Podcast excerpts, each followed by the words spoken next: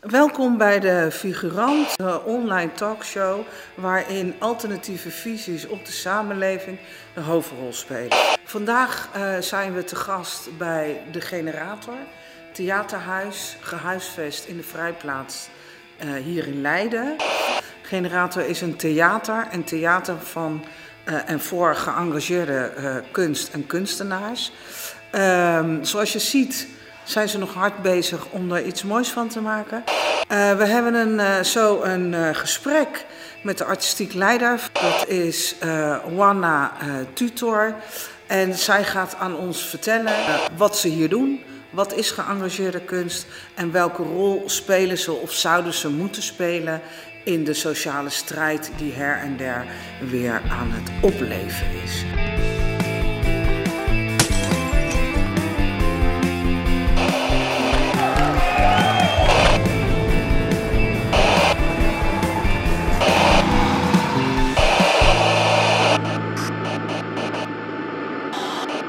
Uh, hallo, we zijn hier uh, bij de Figurant en uh, we zijn op bezoek bij Iwana van de Generator in Leiden. Iwana, kan je iets over jezelf vertellen en wat is de Generator bijvoorbeeld? Ik ben Iwana Tudor, ik ben artistiek leider van theater en productiehuis De Generator. Dat is een theater wat we op dit moment met eigen handen aan het bouwen zijn. Ja, leuk. Een theater voor maatschappelijk geëngageerd theater en performancekunst en alles wat er tussenin zit. En treed je zelf ook op of uh, doe je echt alleen maar. Uh, uh, nee, mijn voornaamste doel hier is artistieke leiding, programmeur, klusser, alles. Zelf spelen misschien ooit ja. in de toekomst. Ja. Maar, hey, en naast de generator doe je nog andere dingen? Of, Ik ben zelf begonnen als theatermaker en actrice en uh, activist. En die dingen doe ik nog steeds. Maar de generator neemt wel heel veel ruimte in. Omdat, ja, wat ik zei, omdat we het helemaal met eigen handen opzetten. Ja. Hey, um, de generator, um, als ik zeg dat het geëngageerde kunst is, dus dat jullie daarnaar streven, uh, klopt dat dan een beetje? Of uh, zeg je van, nou ja, geëngageerde kunst is eigenlijk iets van heel lang geleden en dat doen we eigenlijk niet meer? Nee, nee, het is letterlijk hoe wij onszelf profileren, ja. Theater voor geëngageerd theater. Ja. ja. Kijk, vroeger had je, zeg maar, lang geleden, in, de, uh, in mijn tijd, hè, ik ben al wat ouder, um, was uh, geëngageerde kunst echt een onderdeel van sociale strijd. Mm -hmm. um, uh, hoe heet het? Veel mensen gingen, kwamen ook kijken. En een van de belangrijke pijlers van geëngageerde kunst was natuurlijk mensen ook iets bijbrengen, iets leren. nou zijn we jaren verder en um, doet het er eigenlijk nog toe, de geëngageerde kunst? Um, als we nu kijken naar in welke samenleving we nu zitten. Hè. De samenleving is natuurlijk heel erg veranderd. En wat is jouw visie daarop? Of het er nog toe doet? Ja. Um, ja en nee. het feit dat ik dit theater aan het opzetten ben en heb geïnitieerd, is omdat ik het belangrijk vind dat geëngageerd theater bestaat. Omdat ik, omdat ik vind dat het ertoe doet. En ik denk dat veel mensen denken dat er geëngageerd theater bestaat. En dat weerspreek ik, want ik vind dat Um, dat de manier waarop het wordt uitgevoerd, dat, dat vind ik eigenlijk niet politiek meer. En ik noem het ook geëngageerd, maar dat vind ik een beetje een raar woord, daar heb ik niet onwijs veel mee. Maar politiek theater, daar heeft Nederland dan ook niet zo'n gevoel bij. Nee. Uh, men denkt dan meteen aan politieke partijen of zo. Maar eigenlijk is het political theater en, dat is, en politiek is alles. Um, maar goed, of... Uh, ja, het is van... Ja, ik vind van groot belang dat geëngageerd theater er is. Maar dat is meer omdat we in een wereld leven. Uh, en daar moeten we iets mee. Het is een soort van vanzelfsprekend. Voor mij is het net zoals gewoon ademhalen. Geëngageerdheid zit in alles. En het benoemen daarvan, daarmee geef je het kracht dat het ook een kracht in zichzelf heeft om, om verandering en verbetering uh, in het leven te brengen.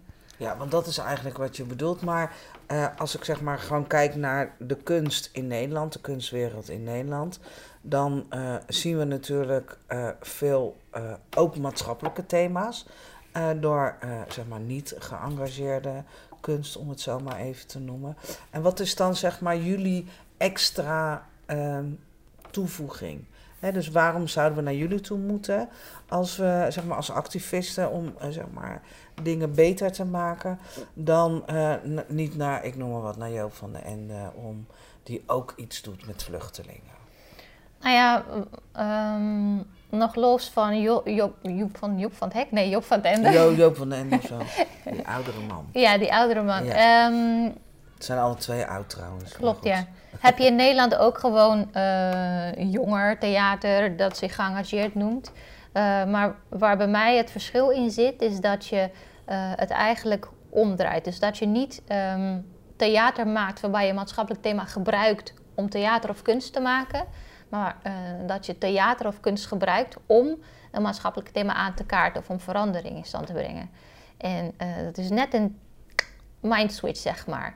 Eh, wanneer vluchtelingen een hot item zijn in de samenleving, wat nu bijvoorbeeld het geval is, dan wordt dat thema gepakt en dan gaan we allemaal kunst en theater omheen maken. Vaak geleid door witte middenklasse mensen. Ehm, en ik wil dat, dat er wordt gezien dat er dus een probleem is. Hè? Dus dat mensen worden uitgesloten bij de grens. En daar wil ik theater voor gebruiken om dat onder de aandacht te brengen. Dus dat is wel een wezenlijk verschil, vind ik. En, en, en in de theaterwereld wordt, ja, wordt heel vaak gepraat over maatschappelijke thema's. Ja. Maar het is enkel Ja. een soort van het mm, mm, reconstrueren, eh, actie-reactie, maar dan zonder dat het, dat het een grote verandering wil brengen. Ja. Ja, maar als je bijvoorbeeld kijkt naar het thema, eh, bijvoorbeeld thema vluchtelingen. Nou, dat is best wel een heftig thema in de Nederlandse samenleving. Het is niet zo dat eh, eh, de grote meerderheid per se voor vluchtelingen is. Ik geloof ook niet dat ze per se tegen vluchtelingen zijn, maar zeker niet per se voor. Eh, dus waarom, ehm, zeg maar, als, eh, ik noem maar wat, Joop van den Ende een theaterstuk maakt over vluchtelingen, dan is dat toch hartstikke goed, want dan kunnen mensen toch gewoon eh, kennis maken met vluchtelingen. Ja, ik, ik vind dat zelf niet goed. Het, doet verschillende dingen. Het ehm, exotiseert vluchtelingen. Hè? Dus het is dan, Oh ja, ja, ze worden ja. gepakt en je gaat er naar kijken, naar hun, zeg maar. Ehm, en die exotisering ja, is, heeft door de geschiedenis heen ook gebleken dat het, eh, dat, dat problematisch is. Van afstand kijken naar de ander. Daar, daarmee eh, zorg je niet voor ehm, eh, verbinding of gelijkwaardigheid. Het is enkel het etaleren van de ander. Dat vind ik problematisch. Ehm, daarnaast is het ook nog zo dat de mensen die dan over de vluchteling dan iets doen, zijn vaak, hebben zelf niet die achtergrond. Ehm, en eh, ja, daar zet ik zelf wel grote vraagtekens bij. Hoe kan je, dus nog los van die exotisering, ehm, hoe kan je iemands, ehm, hoe kan je iemands verhaal, zeg maar, misbruiken om er eh, vermaak van te maken. Ik bedoel, zo'n Job van der Ende, dat, dat is toch een, een entertainer, zeg maar. Ja. En eigenlijk is het ook zo dat ehm, die jij zegt van ja, in de samenleving is, ja, is, is, zijn vluchtelingen niet zo populair. Dus, dus, en hij kiest ervoor om dat te doen en dat is juist goed. Maar daar, daarbij speelt klasse ook een rol, zeg maar. Want ik denk dat middenklasse, Mhm. eh, witte mensen, die hebben niet op die manier zo'n probleem met de vluchtelingen. Want het raakt hun verder ook niet Nee. persoonlijk in hun persoonlijke Ja, leven. klopt, ja. Dus ze gebruiken dat ook als, ehm, ja, als zeg maar good doing. ehm, om, om eigenlijk hun eigen, ehm, ehm, hun eigen Ja. eh, status Dus, te ja, vergroten eigenlijk. Door zich te profileren als de mensen die het goed doen. En wij doen het ook dus ook goed voor de vluchtelingen. Of de zielige kindjes in Afrika. Het is hetzelfde concept, zeg maar. Wat brengt het de vluchtelingen zelf? Eh, helemaal niks. Ja, wie weet zit er iemand in de zaal die denkt... Jezus, dit is echt gewoon een heftig verhaal. Ik ga nu de barricades op en ik ga zorgen dat die grenzen... ehm, kapot worden gemaakt. Ja, maar heb je mazzel mee als zo iemand dat ziet in dat verhaal? Ik denk dat ik als puber dat wel had overigens. Ja. Ehm, ik pikte zelf wel uit theaterstukken. Als ik mee werd, genomen naar Ja. de, midden- met middelbare Ja. school naar dingen. dacht, ja, pikte ik wel dingen uit dat ik dacht van, oh, wauw, dat is wel heel tof. En ik denk dat de dingen die ik dan toen heb, eruit heb gepikt, dat voor mij zijn het groot, zijn groter geworden en is het op zichzelf staand een bepaald soort theater geworden in mijn, in mijn hoofd. En ben ik het ook gaan zoeken naar andere mensen die, die het op die manier, ja, die zeg maar dus die draai maken en die ehm, ehm, eigenlijk um, theater maken vanuit een noodzaak. Dus in bij de generator zeg ik ook altijd dat wij naar theatermakers op zoek zijn die uh, vanuit een noodzaak uh, iets willen vertellen. Dus vanaf, vanuit, ja, een, vanuit een persoonlijke. Uh, dat hoeft niet eens persoonlijk te zijn, maar echt ja. dat je, ja, je voelt het hier. Ja, zeg maar dat je, dat je vanuit de je drive voelt om, uh, om eigenlijk tegen onrechtvaardigheid op te treden. Eigenlijk heeft het daar gewoon mee te maken met recht, dat is van rechtvaardigheidsgevoel. En toen ik als, ja, als dus puber naar van die stukken ging, haalde ik dus wel dingetjes eruit waar andere mensen dan niet dingen uithalen. En dat heeft alles te maken weer met mijn achtergrond. Dus um, wat ook weer voor mij heel erg helder maakt dat het belangrijk is waar jij vandaan komt en waar je pijnpunten zitten. Als je zelf dus niet als vluchteling naar Nederland bent gekomen, ik dan zelf wel, dus ik pik dat eruit en ik voel mezelf daarin, eh, zeg maar, uh, weer spiegeld of herkend. Maar als je dat verder niet hebt, dan, ja, dan glijdt het ook gewoon lekker makkelijk van je af. En dan kan je dus als wit persoon uh, zit je in een hele gemakkelijke positie om inderdaad te kijken naar dat geëxotiseerde object ja. En verder gewoon naar huis te gaan. Ik ben op mijn tiende als vluchteling naar Nederland gekomen. Daarom deed het mij iets. Maar de meeste mensen in de theaterzaal die hebben die achtergrond niet. Dus uh, mijn vraag is, wat doet het met hun? Uh, empathie? Empathie met vluchtelingen? ja, en wat, ja, die, die empathie, dat kan zelfs um, bijna kwaadaardig worden, zeg maar. Omdat het pacificeert. Um, het is... Ik heb, denk ik, dan te weinig vertrouwen in de persoon die daar zit... dat hij echt voelt van, ik moet hier iets mee doen. Um, en... Die, het wordt wel vaker gezegd dat uh, dat, uh, dat die empathie of verbindenis of elkaar begrijpen het, het, het, het belangrijkste is. En bijvoorbeeld in theater het belangrijkste is. Dat kan je niet loszien van maatschappelijke constructen waarbij mensen dus niet gelijk aan elkaar zijn. We willen gelijkwaardig aan elkaar zijn, we zijn niet gelijk aan elkaar. Dus uh, iemand die meer macht heeft en die dus een hele relaxte positie zit, kan niet zeggen, jij die dat niet hebt, Um, wij zijn hetzelfde, maar wij willen verbinding met elkaar. Nee, de persoon met die macht, die moet haar best doen om deze persoon tegemoet te komen. Ja. Um, en vaak wordt andersom verwacht van je moet niet zo boos zijn, ik ben hier ook voor jou. Terwijl die persoon, die heeft al het recht om boos te zijn, want die zit dus in een benadeelde, gemarginaliseerde ja. positie. Ja. En, uh, en als je dan zeg maar kijkt naar uh, wat jullie doen, hè, dan probeer, wat probeer je dan precies? Dus uh, jullie um, hebben natuurlijk. Kijk, de generator is natuurlijk ook een beetje ontstaan. Omdat je ook kritiek hebt op de bestaande uh, kunstwereld en op de bestaande structuren. En, en je zegt natuurlijk ook van wij willen dat het vanuit het gevoel, hè, dus een noodzaak, dat je theater maakt vanuit noodzaak, omdat het ook om ongelijkwaardigheid en om ehm, rechtvaardigheid moet gaan. En hoe doen jullie dat dan? Nou ja, allereerst is het, gewoon, is het begonnen vanuit mijn eigen noodzaak. Dus ik ben zelf als theatermaker begonnen. En ik kon zelf mijn plek niet goed vinden in de bestaande theaterwereld. En op een gegeven moment dacht ik, nou dan maak ik maar mijn eigen podium. Dus het is eigenlijk zo simpel is het. En toen op dat moment helemaal niet groot. Ik heb geen, ik heb geen plek in de theaterwereld om verschillende redenen. Dus ik maak mijn eigen plek. En die redenen zijn Um, omdat ik een andere achtergrond heb, uh, moeilijk om toe te treden, überhaupt tot de arbeidsmarkt, zoals voor iedereen. Maar de theaterwereld is daarnaast ook nog een hele gesloten wereld.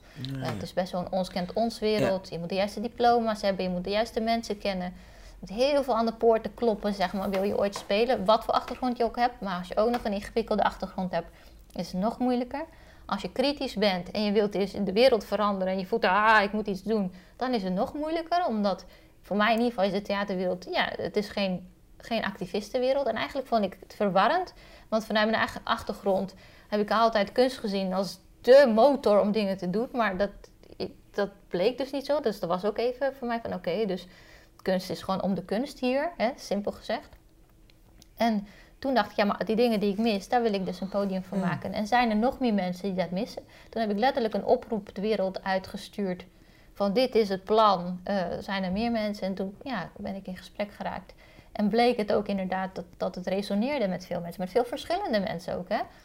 Ehm, ook mensen die al langer in de theaterwereld zitten eh, en die eigenlijk daar ontevredenheid voelen om die redenen. Om de witheid van de theaterwereld bijvoorbeeld, om die uh, paternalistische um, houding van programmeurs. Uh, maar ook jonge mensen die er gewoon niet in komen. Die nog steeds gewoon super getalenteerde mensen. Die 500 euro huur moeten neerleggen om ergens te spelen. Omdat ze dus niet de juiste ingangen hebben. Maar dat heeft ook heel erg te maken met structuur. En dat het toch, zeg maar, uh, ja, een beetje elitair is als je theater wel, maakt. Ja. Want jij komt uit Roemenië, begreep ik. En um, nou, wat, kan je daar iets over zeggen van over hoe uh, jij zeg maar theater hebt ervaren of ervaart? Ja. En toen je hier kwam en keek en dacht van, hè, dat is heel iets anders. Zij doen iets heel anders met, uh, ja. met kunst. Laten we bij kunst houden. Het is, het, is, uh, het is lastig omdat ik, ik was tien jaar oud. Dus het is niet zo dat ik een ontzettende kenner van de Roemeense theaterwereld nee, nee, nee, nee, Dus het is meer zo, het is, het is heel voelt, veel gebaseerd op gevoel. En, en, eigenlijk een soort van DNA van wat ik van mijn ouders heb meegekregen. En uh, nou goed, ik, heb dus tien jaar geleefd in het communisme, in ja, het meest du duistere gedeelte van het communisme. Dus de laatste negen jaar voor de revolutie. Dat was heel grimmig en heel arm en, uh, en heel veel onderdrukking. En om me heen, hoe ik ben opgegroeid, hoe mijn ouders boeken lazen of over kunst praten. Voor hun was dat een, uh, juist een, een uitlaatklep en een verzetsgevoel tegen het regime. Ook als kunstenaar, als je uh, je mond te ver open deed, dan verdween je gewoon. Dus voor mij is kunst heel erg gerelateerd aan resistance. Ja, aan verzet. Ja. Aan verzet. En ja. dat, toen ik hier kwam, heb ik dat er niet in teruggezien. Uh, maar, ging, maar dacht ik er wel in te zien. Omdat ik in mijn hoofd geen, ja, gedrukt had van nee, kunst is verzet. Ja. En langzaam kwam ik tot de realiteit, maar dat heeft ook, weet ik veel, twintig jaar geduurd. Van oh nee, dat is dus niet voor iedereen zo. En dat is ook prima of zo. Um, maar ik vind dat daar ook een, een plek voor moet zijn. En ik denk dat ik toch, ben ook gewoon een wijsneus. En ik, ik denk, ik, ik, denk nee, kunst moet daar wel voor zijn. Maar voor heel veel mensen niet. Nee, nee, ik vond het wel op zich grappig, omdat je er net ook zei van uh, hier in Nederland is kunst gewoon kunst. Ja. Het is gewoon kunst om de kunst, zeg ja. maar. Weet oh, je, en we hadden het er net ook even over, uh, uh, voordat we met dit gesprek begonnen, over van in Nederland um, krijg je best wel veel kunst mee, zeg maar, de, ook als kind. Je kan um, in Nederland toch relatief uh, snel ook in contact komen met kunst. Met theater, met de musea's, met beeldhoud, nou, noem maar op. En ook arme kinderen, hè, daar moet wel wat vaker en wat moeite voor gedaan worden. Maar nou, dat wordt ook wel geprobeerd. Um, is het dan niet eigenlijk zo van dat dat zeg maar de bron dan ook is, van dat kunst eigenlijk alleen maar gezien wordt als kunst, als een soort vermaak? In plaats van als iets echt uh, dat het ertoe doet of dat het verandering teweeg brengt. Ja, ik denk inderdaad dat de nadruk, uh, nadruk ligt daar niet op in die educatie over, over kunst. Nee, dat, ja, van wat ik zie, wat, wat kinderen of jeugd hier meekrijgt. Uh, je kan, wederom, als je een bepaalde mindset hebt, kan je dat op die manier erin zien. Ik heb dat altijd gedaan. Wat ik zei, van de middelbare school naar, naar uh, theaterstukken gaan, tot handvaardigheid. Ik zag dingen, dacht van wauw, de stijl, die waren echt radicaal. Terwijl niemand, niemand uh, legt die link, maar dat door mijn eigen achtergrond. Nee, nu denkt iedereen, ik wil zo'n stoel, want het is lekker design in mijn huis, want ik kan het betalen. Nou, en ik vind het, uh, ik voel het als mijn taak om, om daar eigenlijk naar terug te gaan. Naar dus die kern. Want de stijl was radicaal. Hè? Zij wilde letterlijk een radicale verandering in de kunst teweeg brengen. En daarna is het is het dus geëxotiseerd? Is het geabstraheerd door een soort van consum, consum, consumentalistisch eigenlijk symbool haast of zo? Van, van dat uh, blauw, geel en rood overal. Ja. maar dat vind ik, dat is eigenlijk zo symbolisch. Want je neemt iets waar de kern gewoon superkrachtig en revolutionair is. En dat sla je dood En maak je tot een product die we vervolgens allemaal gaan consumeren. Ja, en dat is, dan, is, dan is de kunst dood. Als de stijl nog zou Ja. bestaan, dan zou ik mij gewoon opheffen. Ja. ja, dat zouden ze waarschijnlijk ook gedaan hebben, Ja. denk ik. Dat Ja. denk ik wel.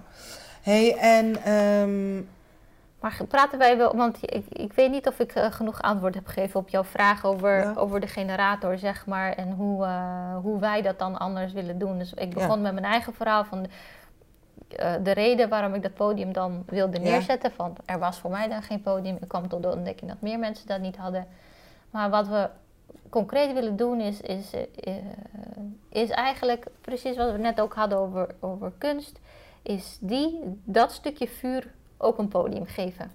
En dat, dat de generator een podium zal zijn waar zulke stukken geprogrammeerd kan worden. En waar ook zulke stukken geproduceerd worden. Dus waar makers eh, stukken maken met een bepaald vuur of noodzaak. want je zei ook van eh, ergens in het gesprek van eh, het, het, moet ook voor jou iets persoonlijks zijn. Het, het heeft ook met jouw leven zeg maar, te maken, met hoe jij tegen zaken aankijkt. Dus zo Mhm. kijk jij volgens mij ook een beetje tegen kunst aan. Betekent dat. ehm, nou, kijk, we zitten nu zeg maar eh, in best wel in een tijd wat heel individualistisch is.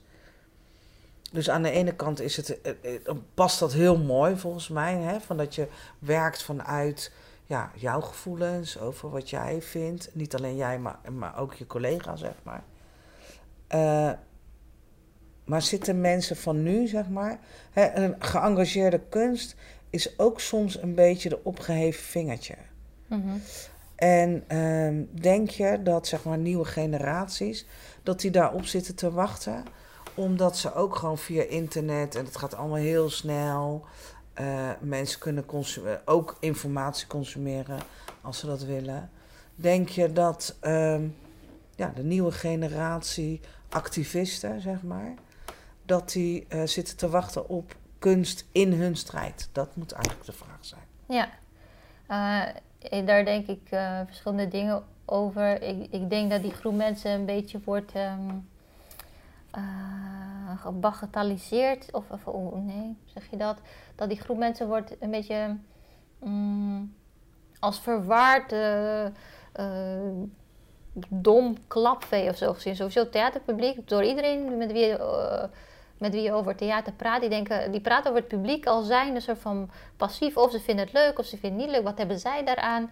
Dat wordt zo onderschat. Dat is het woord. wat- Ja, ja, ze ja. worden onderschat. Want Het het, zijn het gewoon, het zijn gewoon eh, eh, juist door dat individualisme, zijn het allemaal stuk voor stuk mensen met een bepaald verleden, met een eigen mening, die allemaal eh, er mogen zijn, zeg maar.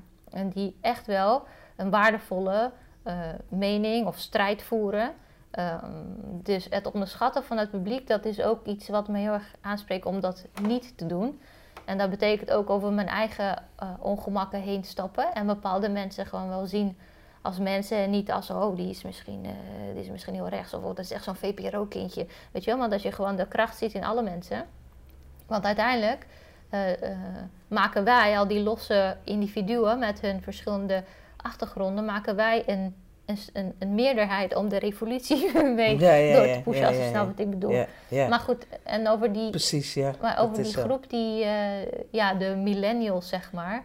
Juist omdat zij zo overprikkeld worden en van alle kanten aan hun wordt getrokken eigenlijk om te kopen, om, eh, om iets te zijn wat ze gewoon van binnen helemaal niet, niet voelen.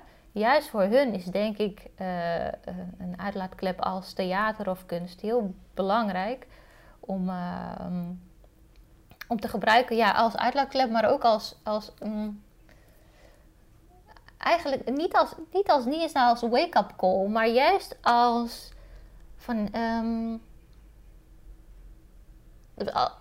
als we worden serieus genomen. Dus inderdaad, we worden door Ja, ja, van ja, alles precies. gebruiken op inhoud, op inhoud serieus genomen. Ja, want eigenlijk Precies. alle nieuwe makers die hier op de vloer komen om met mij te praten, die graag een productie willen maken, boven de 25, eigenlijk zijn het allemaal rond de 28, Ja, eh, ja, ja, die ja. praten over hetzelfde. Die praten eigenlijk over dat millennial zijn.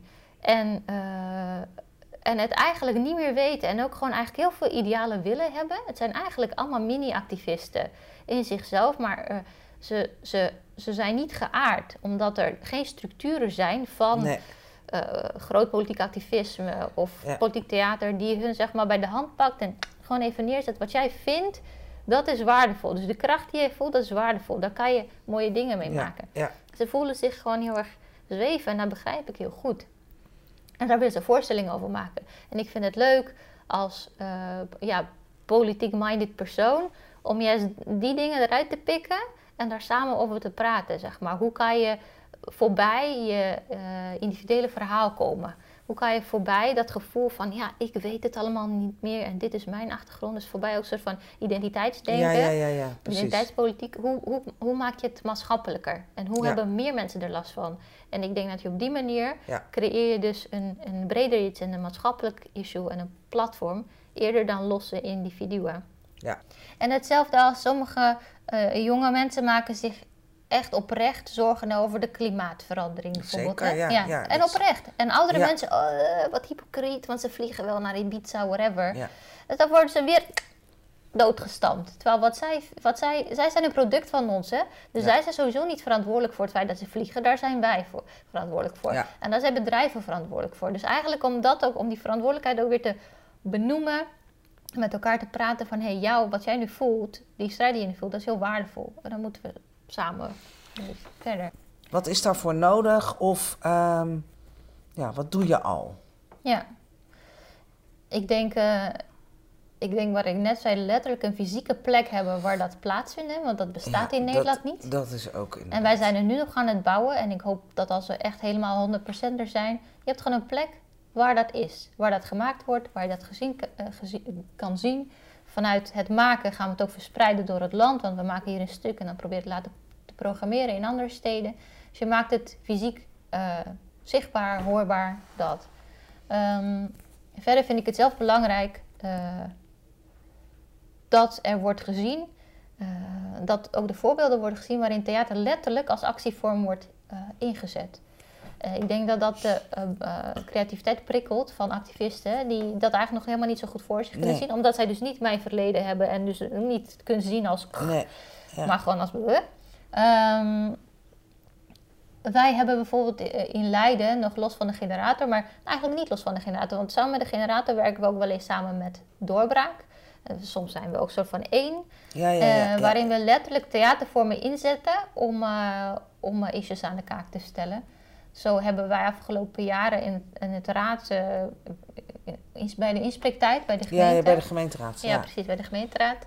Eh, eigenlijk eh, twee jaar achter elkaar theatrale vormen gebruikt om het over Zwarte Piet te hebben. We zijn als eh, Sinterklaas, hebben we een voordracht gedaan twee jaar geleden.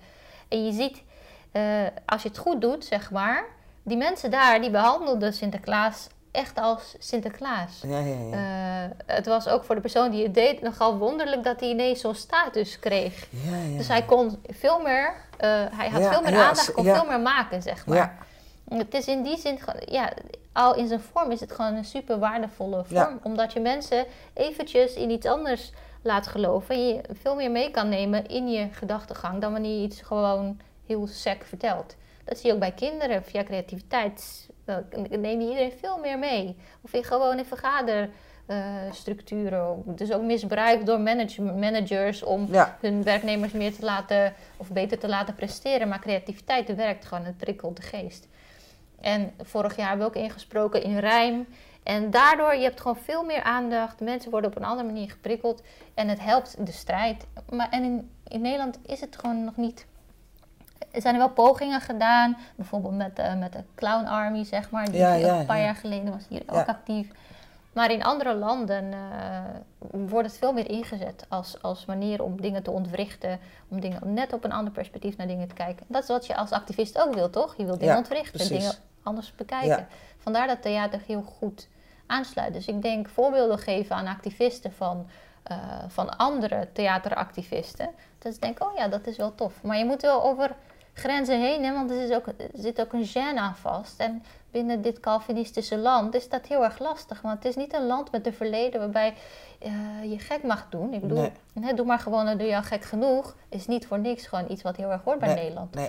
Dus dat is al best wel, dat is een drempel. Maar mensen, aangezien wij het land aan het overnemen zijn, zeg maar, de buitenlanders, zal het ook veel meer ontstaan. Ja, ja, ja. Dat zeg maar dat het Calvinistische veel meer in het verleden Ja. gaat liggen. ja, En dat mensen, dat zie je bij, en dat is zo waardevol aan jonge mensen. Want die laten, die laten zich inspireren, juist door social media, waar zo negatief wordt belicht, wat ik ook snap. Social media verbindt mensen met Ja, elkaar. het verbindt Op ook. Instagram heb je volgers uit heel het land. Op. Facebook is dat weer anders. Ja. Dus je beïnvloedt elkaar. Misschien oppervlakkig, maar als je dat stimuleert, juist de, de goede dingen daarvan stimuleert, eh, dat, ja, dat is Nee, nee, je hebt natuurlijk ook contact met iedereen over de hele wereld. Ja. Activisten hebben ook contact met elkaar over de hele wereld. Dus Ja. het is natuurlijk niet alleen maar negatief. Maar als je kijkt, die yes man, dat is ook iets wat veel activisten kennen.